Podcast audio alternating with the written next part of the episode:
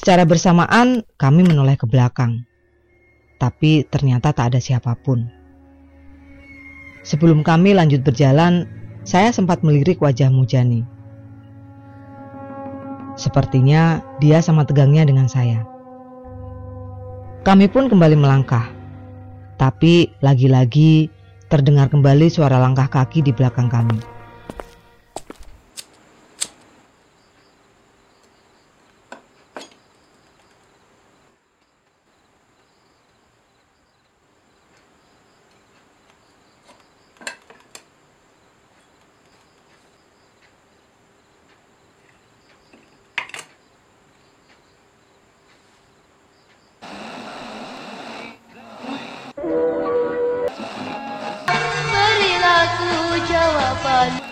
Selamat datang di podcast Kopi Hitam. Halo, para pendengar podcast Kopi Hitam. Apa puasa kalian udah ada yang bolong? Kalau iya, jangan salahin setan ya. Soalnya katanya kan bulan puasa setan lagi cuti. Berarti kalau puasa kalian udah ada yang bolong, itu ulah setan kontrak yang ngegantiin setan selama mereka cuti. Nah, biar kalian gak digoda sama setan-setan outsourcing, kalian perlu mendengarkan cerita kali ini. Karena di cerita ini ada pelajaran yang bisa kita petik. Oke, kita mulai ceritanya. Sebuah kisah nyata yang berjudul Suatu Malam yang Penuh Teror. Dikirimkan oleh saudara Harlan di Riau. Assalamualaikum warahmatullahi wabarakatuh. Panggil saja saya Harlan. Ini adalah cerita masa kecil saya waktu saya berumur 12 tahunan. Saya tinggal di sebuah kota kecil di Provinsi Riau. Di kota kecil ini setiap tahun sekali di malam Isra Mi'raj selalu diadakan acara semacam doa bersama dan pengajian di masjid besar. Sebelum acara dimulai, pada sore harinya akan ada petugas masjid yang berkeliling mengambil nasi bungkus ke setiap rumah warga. Yang nantinya nasi bungkus tersebut akan dibagikan kembali kepada warga yang hadir di masjid pada malam acara tersebut. Kami anak-anak kecil sangat senang mendapatkan nasi bungkus. Padahal itu hanyalah tukaran nasi bungkus yang diberikan orang tua kami di sore harinya. Tapi entah kenapa senang sekali rasanya mendapatkan nasi bungkus itu. Biasanya kami akan memakannya beramai-ramai di suatu tempat.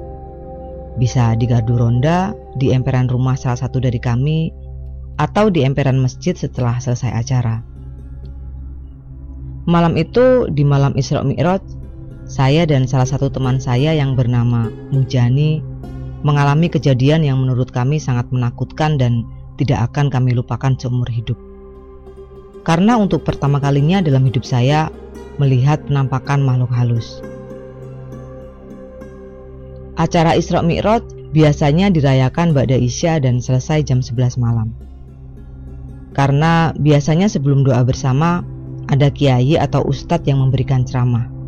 Dan biasanya itu bagian yang paling lama. Kadang kami anak-anak sampai ketiduran menunggu selesai acara. Malam itu seharusnya saya sudah ke masjid jam 8 malam bersama teman-teman. Tapi karena keasikan menonton TV, saya baru keluar rumah hampir jam 10 malam. Saya mencari teman-teman satu geng, tapi tidak ada satupun dari mereka yang terlihat. Ah, mungkin mereka sudah berangkat sejak jam 8 tadi. Begitu pikir saya. Padahal biasanya banyak di antara kami yang berangkat sengaja di jam 10-an karena tidak mau menunggu terlalu lama. Saat dalam perjalanan, saya bertemu dengan Mujani. Buat sahabat saya Mujani yang sekarang entah di mana, jika cerita saya ini dibacakan, mudah-mudahan video podcast ini bisa menjadi salah satu penyambung silaturahmi kita yang sudah terputus sekian lama. Lan, kamu udah ambil nasi bungkus ke masjid? Begitu Mujani menyapa saya di jalan tepat di depan rumahnya. Belum, aku juga baru keluar nih. Kamu udah ya? Jawab saya. Aku juga belum. Santai aja lah. Acaranya kan biasanya selesai jam 11. Jawab Mujani. Jalur yang kami tempuh menuju masjid besar itu diawali dengan melewati jalan utama. Jalanan yang paling besar di wilayah kami. Setelah 200 meter, kami sampai di perempatan besar. Di perempatan itu, kami berbelok ke kanan. Setelah 200 meter, sampai di tanah pemakaman. Di seberang pemakaman itu ada bangunan sekolah dasar. Saya bersekolah di situ pada waktu itu. Di samping bangunan sekolah dasar, ada gang masuk lagi. Begitu masuk gang, di sebelah kiri jalan ada bangunan sekolah Madrasah Sanawiyah. Sebelah kanannya yang adalah belakang sekolah kami ada lapangan olahraga milik sekolah kami. Bangunan Madrasah Sanawiyah itu terdiri dari dua lantai. Tangga menuju lantai dua berada di luar gedung. Di sebelah bangunan Madrasah Sanawiyah ada masjid besar Masjid itulah tujuan kami. Itu jalur terdekat menuju masjid kalau dari rumah kami. Aku dan Mujani berjalan santai dan berbincang ngalor ngidul menuju masjid. Sesekali kami menendang sampah atau apa saja yang ada di tengah jalan. Saat itu tidak biasanya jalanan terasa sepi. Hanya ada dua atau tiga kali motor yang melintas. Sesampai di perempatan besar, keadaan semakin sepi. Padahal di perempatan itu biasanya ramai dengan orang-orang nongkrong, jajan bakso, atau menjadi lokasi janjian bertemunya muda-mudi. Malam itu cuma ada gerobak bakso milik Pak Keling yang biasa mangkal di situ, tanpa pelanggan satupun. Mungkin orang-orang ke masjid semua, kami terus berjalan sampai di depan bangunan sekolah saya yang berada di seberang tanah pemakaman. Saat berjalan di depan SD itu, saya merasakan udara yang dingin secara mendadak. Bulu-bulu ditengkuk dan lengan saya merinding. Lalu kami mulai melangkah memasuki gang. Saya tidak tahu apa yang Mujani rasakan, tapi kami secara bersamaan melambatkan langkah kami.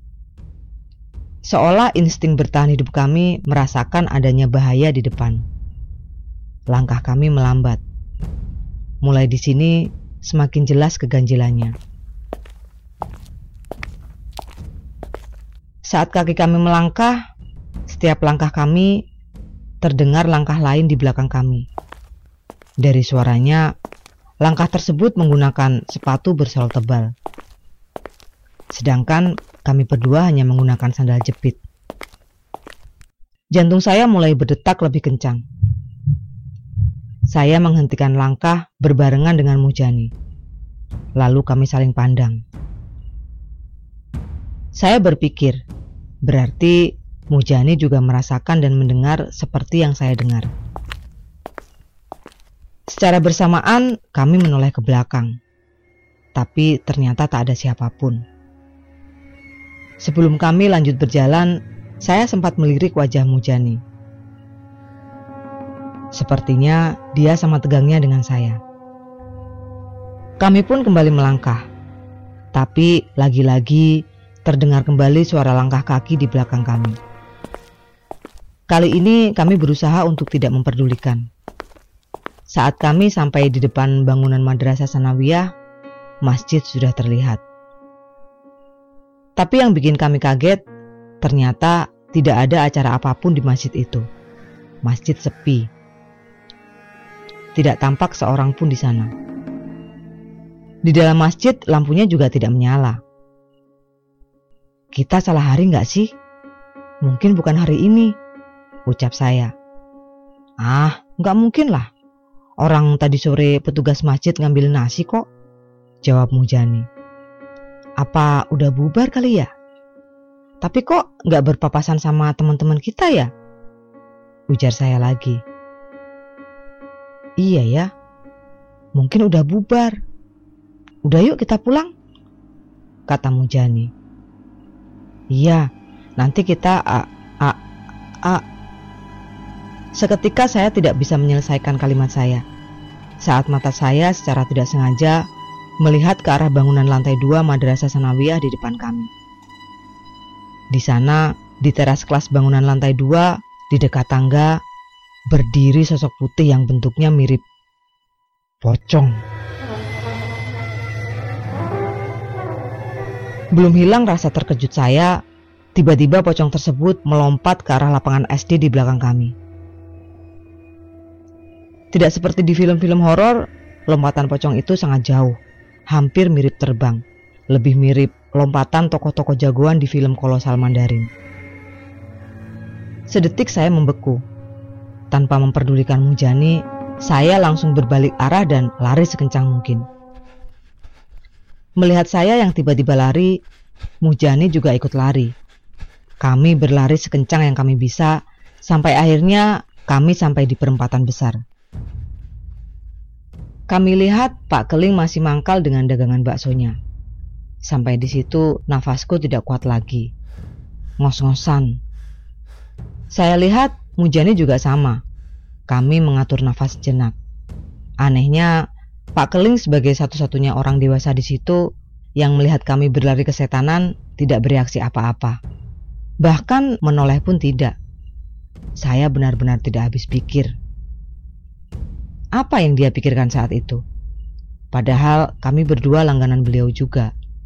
Karena kalau siang Pak Keling mangkalnya di depan sekolah kami. Lalu tanpa perasaan segan, kami berdua duduk istirahat di bangku panjang milik Pak Keling. Setelah agak tenang, Mujani mulai mengomel. Brengsek kamu Lan, lari ninggalin aku. Emang ada apa sih? Oh, berarti Mujani tidak melihat apa yang saya lihat. Lalu dengan nafas yang masih ngos-ngosan, saya ceritakan semua yang saya lihat. Masa sih? Yuk kita ke sana lagi. Aku jadi penasaran. Ajak Mujani. Enggak ah. Gila apa kamu? Kamu aja yang ke sana. Aku nggak berani. Jawab saya. Saya tahu Mujani ini mentalnya lebih baik dari saya. Dia dikenal paling berani di antara teman sepermainan. Ah, cemen kamu. Goblok kalau kamu takut sama yang begituan. Mulai dari bujukan sampai makian keluar dari mulut Mujani untuk mengajak saya kembali ke sana. Pada akhirnya saya luluh juga. Ya udah yuk. Tapi kalau ada apa-apa, aku langsung lari ya. Iya. Ayo. Mujani mulai bersemangat. Kami berdua berjalan kembali ke arah masjid. Sebelum pergi, sekilas kulihat Pak Keling. Dia masih tidak bereaksi. Tak bergeming dari tempat duduknya. Aneh sekali. Saat kami sampai di depan pemakaman umum, saya berhenti. Mujani ikut berhenti. Sejenak saya merasa ragu. Rasanya berat sekali buat melanjutkan langkah kaki memasuki gang. Jantungku berdegup kencang lagi. Naluri saya mengatakan ada bahaya di depan. Kemudian Mujani mulai melangkahkan kaki memasuki gang. Dengan berat hati, saya berusaha mengimbangi langkahnya hingga posisi saya sejajar di sampingnya. Suasana saat itu sangat sunyi, sama seperti saat di awal tadi. Saking sepinya, suara langkah kaki kami terdengar seperti bergema. Tiba-tiba udara terasa dingin lagi. Ah, sialan. Ini sama seperti tadi. Dalam hati, saya memaki kebodohan saya yang mau-maunya diajak kembali ke sini. Akhirnya kami sampai di ujung belakang bangunan SD. Dan lagi-lagi terdengar langkah kaki di belakang kami. Suara langkah kaki orang dewasa memakai sepatu bersol tebal. Kami saling pandang. Tanpa dikomando, serentak kami menoleh ke belakang. Namun, lagi-lagi tak ada siapa pun. Kami saling pandang lagi. Rasanya saya ingin bilang, "Udah yuk, pulang aja." Lidah rasanya keluh, tak mampu berkata-kata. Jantung saya rasanya mau meledak. Dengan keberanian yang tersisa, saya beranikan diri melangkahkan kaki sambil melirik ke arah lapangan di belakang gedung SD. Karena seingat saya, pocong tadi melompat ke arah situ. Meskipun tadi saya tak sempat melihat dia mendarat karena saya keburu lari. Di tengah berkecamuknya pikiran saya, tiba-tiba kembali terdengar langkah kaki di belakang kami.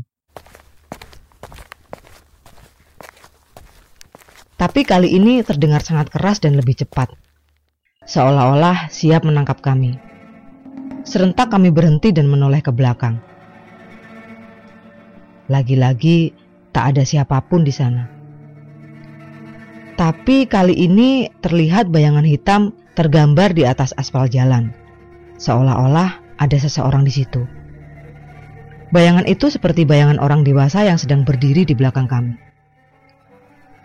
Di sepanjang jalan yang kami lewati memang banyak lampu jalan. Jadi wajar jika ada seseorang berdiri, maka akan terbentuk bayangan hitam. Yang tidak wajar itu jika hanya ada bayangannya saja.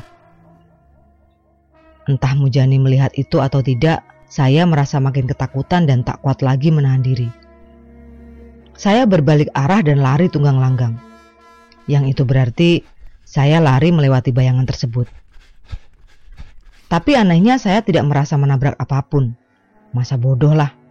Saya sudah tidak peduli lagi.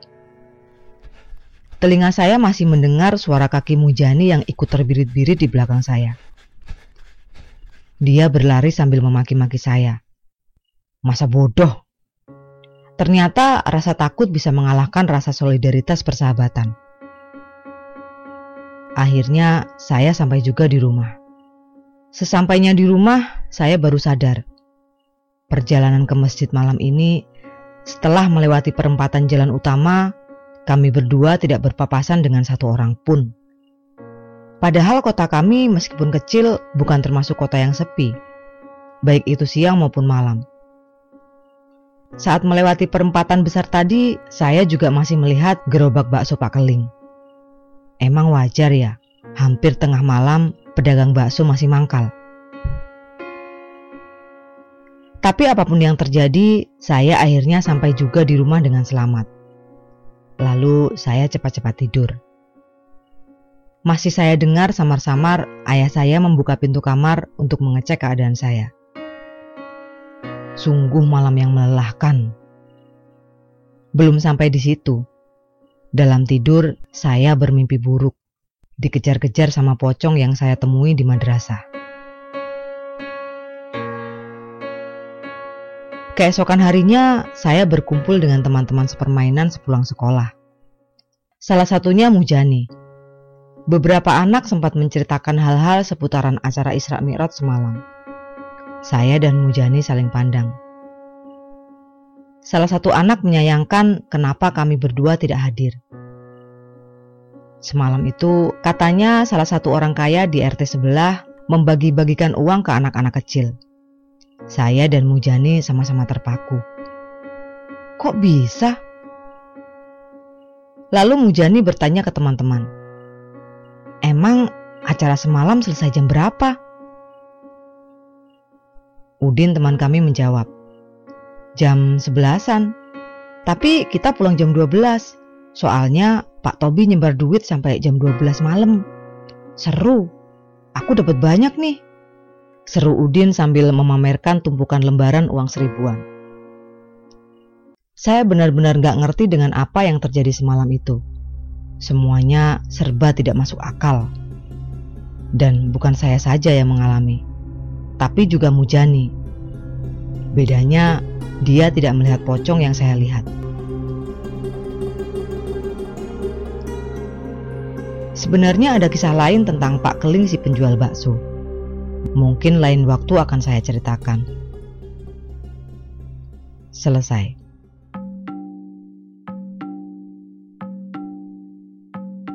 Hmm, sangat menegangkan. Menurut kalian, apa yang sebenarnya terjadi malam itu? Apa mereka salah masuk gang? Salah hari? Atau silahkan ketik di kolom komentar. Ya udah, cukup sekian cerita kali ini.